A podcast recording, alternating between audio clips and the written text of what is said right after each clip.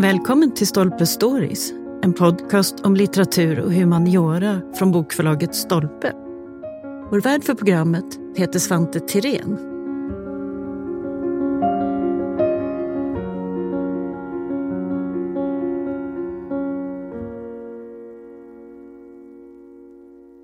Här kommer ännu ett avsnitt av Stolpe Stories live här från Bokmässan i Göteborg. Vi ska prata ekonomi och ekonomisk historia med särskilt fokus på kris, katastrof, elände, sånt som vi upplever ganska mycket just nu. Och med oss för att göra det har vi Kjell A Nordström, författaren till boken Apan och kapitalet, en ekonomisk historia. Varmt välkommen hit Kjell. Tack så mycket Svante. Ehm, det sägs att kriser i samhället, det innebär högkonjunktur för historia. Då plötsligt blir vi intresserade av vårt förflutna. Skriver du under på den, eh, den tesen? Absolut, och det gäller även ekonomisk historia. Det är väldigt tydligt hur vi börjar föra resonemang om är den här krisen större än krisen 2001 eller måste vi gå ännu längre tillbaka? Vi har ju redan sett det här i pressen. Hur det blir ett resonemang om hur kriser kommer och går, hur långt är det mellan dem, hur lång är en kris jämfört med perioden utan tillväxt. Lustigt nog, när det gäller ekonomisk historia så kan man ganska snabbt se ett mönster. Lågkonjunkturer är mycket kortare oftast än högkonjunkturer. Ja. Upplevelsen hänger inte alltid ihop med Nej, verkligheten. hur det faktiskt är. Men om vi då ska försöka lära av historien lite grann. Apan och kapitalet är ju alltså en pocketversion av hela vår ekonomiska historia. Det kan man säga. Och om vi börjar i nuet och jobbar oss bakåt. Hur krisig är den kris vi har just nu egentligen, sett med lite backspegel här? Inte så krisigt. Ehm, Du och jag har ju pratat bland annat om eh, situationen på 20-talet. Börskraschen. Börskraschen 1929, den stora depression som ju också leder till att diktaturer föds och mycket, mycket andra förfärligheter som kommer ut ur den. Då är det ju arbetslöshetstal som vi aldrig har varit i närheten i, i den här delen av världen i modern tid. Krisen som är nu har tagit oss tillbaka till 2021 Ja. i fastighetsvärlden, i eh, ekonomisk kraft i vårt samhälle. Ja, det var ju inte, vi gick ju inte på fälgarna 2021, det kan man ju säga. Finns det en risk här alltså att, utan att underdriva, för vissa har det naturligtvis väldigt svårt, det ska man ju inte stucka under stol med, men just att, att varje kris vill liksom tävla om att vara den mest allvarliga krisen, blir det en alarmistisk stämning här? Ja, det blir det av flera olika skäl. Men det ena som är viktigt att komma ihåg är att kriser är ju ungefär som smärta. I den meningen det är en subjektiv upplevelse. Man, det finns ingen eh, skala objektiv för smärta utan man får fråga patienten, har du ont? Och du och jag kan ju inte då säga, nej men det tror jag inte Nej. att du har ont. Nej, jag har ont. Det vill säga, många människor upplever nu att det här är kris. Räntorna är höga, bostadskostnaderna tre eller fyrdubblats på kort tid. Många människor som har haft stora lån i förhållande till sin inkomst. Det är kris. Lokalt. Kring den familjen, kring den personen. Och det är på riktigt? Och det är på riktigt. Att däremot säga att vårt samhälle på något sätt står nära någon, någon klyfta och håller på att falla ner i avgrunden. Det är inte rimligt. Där börjar överdrifterna. Där börjar säga. Men du, i debatten som pågår nu, man har ju nämnt i förbifarten i alla fall lite grann om 90-talskrisen och sådär, men ser du några tecken på att i den här ekonomiska krisen som finns nu, att man pratar om historia? Jag tycker jag har sett den nästan var och varannan dag. Dock inte den långa historien, utan 2000-talets historia, slutet på 1900-talets historia. Ja, vi jämför kriserna nu. I media tycker jag att jag kommer tillbaka till det om och om igen. Ja, men 2009, ja men ni minns väl börskraschen där i början på 2000-talet. Likheter och skillnader lyfts fram. Okej, men inte så långt tillbaka, det som ändå är i, i, i det kollektiva minnet på något vis. Det som jag skulle säga är den en generation eller högst två bakåt. Okej. Men du, om man skulle vända på steken då och prata om ekonomiska kriser, alltså börskraschen 29, ännu äldre kriser. Vad tror du vi skulle få för slags eh, verktyg idag att orientera oss med om vi visste mer om historiska kriser längre tillbaka? Jag tror att vi skulle komma att förstå hur mycket system vi faktiskt har byggt för att 1929 inte ska hända igen. Med 30 procents arbetslöshet, köer på gatorna av hungriga människor, stora folkhopor som drar omkring i förtvivlan. Och vad vi har gjort över åren, 100 år lite drygt, är byggt ett antal strukturer och system för att försäkra oss om att nej, vi ska inte falla mer än en liten bit vad det gäller arbetslöshet. En liten bit vad det gäller och så kommer nästa område. Så vi har så att säga byggt upp försäkringsliknande lösningar i samhället som löses ut när vi kommer under en viss nivå.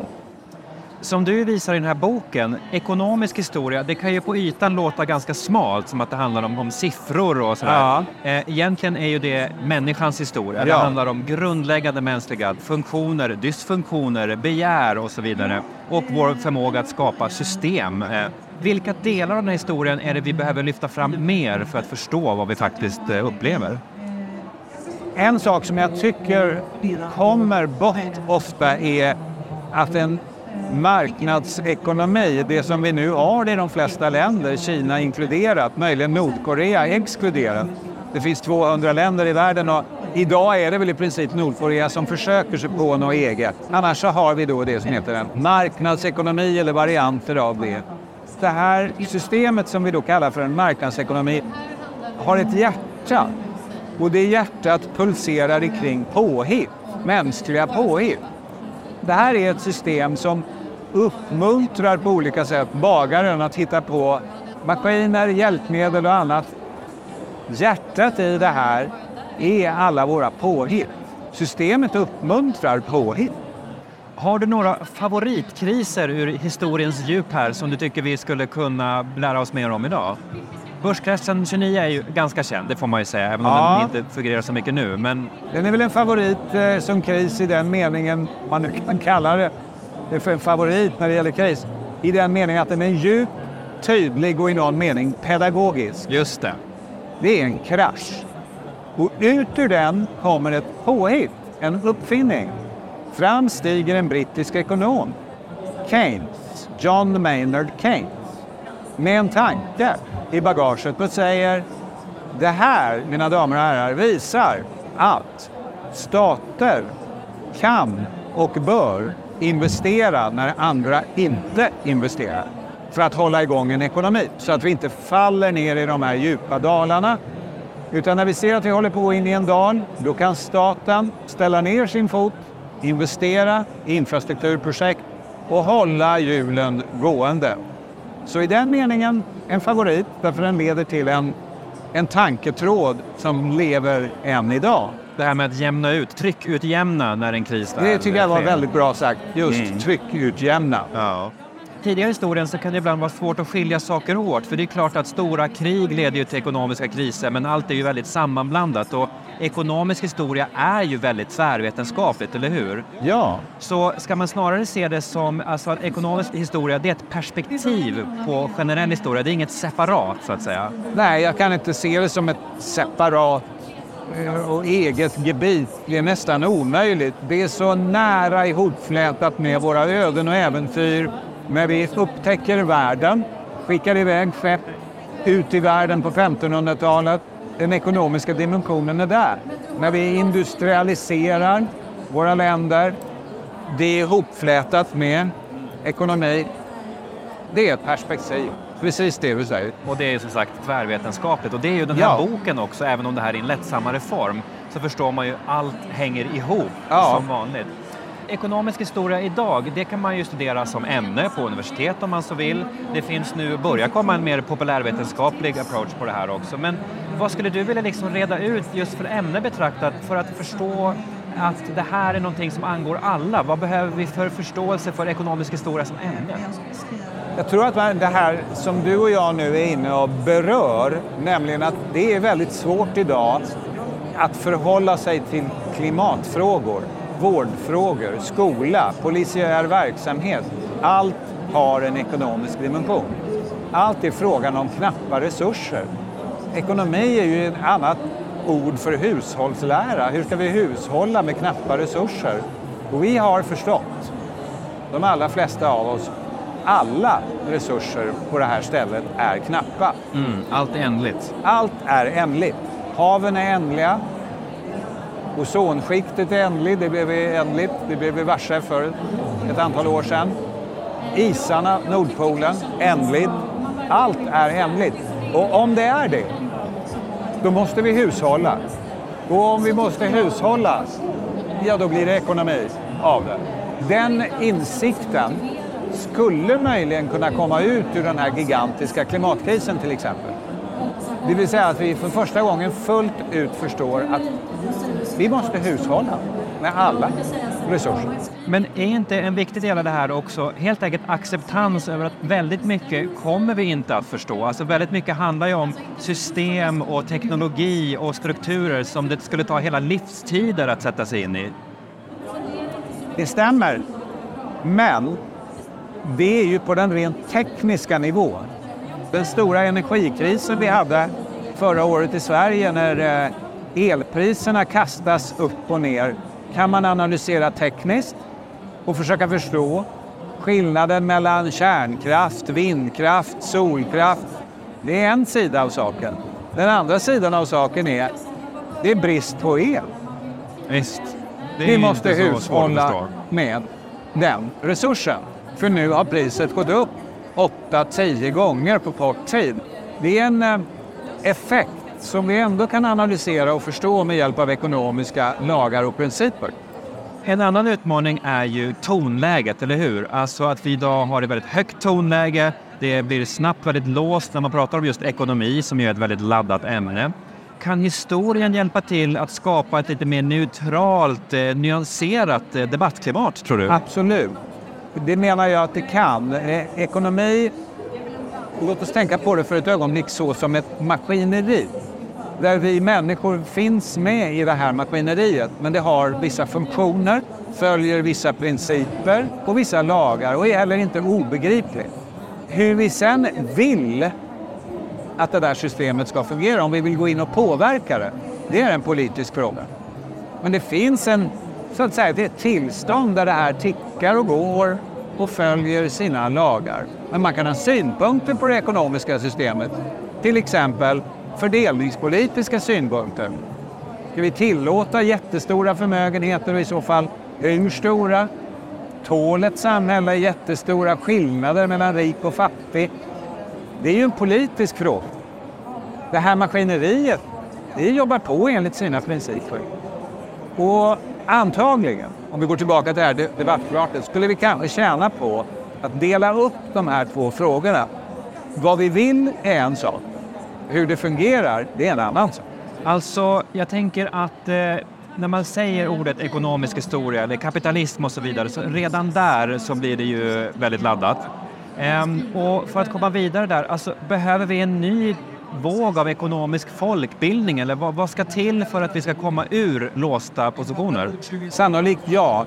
Eh, på många områden har vi ju sett hur vetenskap snabbt förvandlas till någonting som alla kan ta del av. Medicin, hälsa, alltså det som är allmänhälsa och hur man kan ta hand om sig själv och sin kropp har vi ju sett hur vetenskap snabbt förpackas om och kommer ut i en variant som man kan förhålla sig till. LCHFD och vad det nu kan vara. Bakom detta finns ju seriös och tung forskning. Många gånger ganska komplicerad. Men den populariseras och det finns en ström av litteratur, tidskrifter, föreläsare, poddar och allt vad vi nu kan tänka oss inom det området. Samma gäller teknik. Energikällor som vi pratade om tidigare, det finns ju hur mycket som helst att läsa som inte förutsätter att man är doktor i fysik. Ekonomi har inte riktigt haft det där förrän de sista kanske 10, 15, 20 åren. Den här strömmen av populära uttolkningar av det vi vet om systemet. Det börjar komma nu. Och det är väl din bok säga, ett symptom på, eller ett exempel på, eller hur? Absolut ett Apan symptom. och kapitalet som nu finns på både svenska och engelska. Och metaforen här är just att vi människor är apor som eh, har begär, drifter och vi vill byta saker med varandra för vi förstår rent intellektuellt att det ger oss fördelar och på så vis så börjar vi hela vårt samhällsbygge. Kjell, vad säger kollegor till dig som står för en, vad ska vi säga, åtminstone ytan torrare, mer akademisk ekonomisk historia när du kommer ut med en sån här bok? När du ställer den frågan så minns jag en av mina professorer som tränade mig på Handelshögskolan. Jag beklagade mig och sa att det här var förfärligt den här kursen. Det är mycket att läsa, det är svårt att förstå. Han tittade länge på mig. Det ska vara jobbigt. Det ska vara jobbigt. Det var en dygd. Ja, det ska vara jobbigt. Han framhöll också att det hade varit jobbigt för honom själv. Så därmed skulle det implicit vara jobbigt för mig också, om jag förstår det hela rätt. Det där eh, tror jag kanske att man ska försöka komma ifrån lite det synsättet att det ska vara jobbigt. Lustigt nog, de 8-10 professorer som har fått den här i tassen, inklusive rektor för Handelshögskolan, de säger inte så mycket om eh, kapitaldelen. Boken heter ju Apan och kapitalet. De behärskar ganska mycket av det som har med kapitalet att göra. Det de tycker är skojigt är att den här apan dyker upp som en slags berättare som reser genom tiden, nästan som ett äventyr och erövrar olika saker, förstår och får insikter. Så på så vis har, har den tagits emot väl. Ja. Och till sist, vad hoppas du vi ska göra nu för att förstå det som händer omkring oss bättre? Jag hoppas att den här krisen en gång för alla ska understryka att det här är en gemenskap, den här planeten. Vi delar den. När vi nu börjar stänga av delar av planeten, isolera Ryssland, Kina sluter sig, andra delar av världen drar sig tillbaka. Vi handlar mindre med varandra just nu än vad vi har gjort på, eh, under långa tidevarv. Det kommer med en kostnad. Och den kostnaden är ganska enkel att sammanfatta. Alla får det lite sämre. Ja. Vi kommer att bli påminna om det. Att när vi stänger ner, när vi bygger murar, när vi avgränsar så kommer det med ett pris. Det är en insikt att uh, ta med sig. Det kommer att påminna oss om att river vi murar, öppnar vi världen, så vinner alla på det. Och det här är en jättelik pedagogisk övning som vi ser pågå runt omkring oss. Just det, och det är inte bara en intellektuell insikt. Det är någonting man behöver förstå på ett mer allmänmänskligt plan. Absolut, vi behöver förstå det på individnivå och vi kommer att uppleva det nu de närmaste åren på individnivå. Vi har redan börjat se priser som stiger. Handlar vi mindre med länder med låga kostnader och produktionskostnader, ja, det kostar. Det finns mycket att tänka på här och boken Apan och kapitalet är för oss som inte åtminstone tror oss inte kunna något om ekonomi är den en väldigt tröst måste jag säga Kjell. Därför att med den i bokhyllan så känner man sig lite tryggare på något sätt om att det finns frågor som är nåbara även om man inte är expert. Vad härligt, för då är mål ett med boken ja. uppnått. Det är det verkligen. Stort tack för att du kom hit Kjell. Tack för att jag fick komma.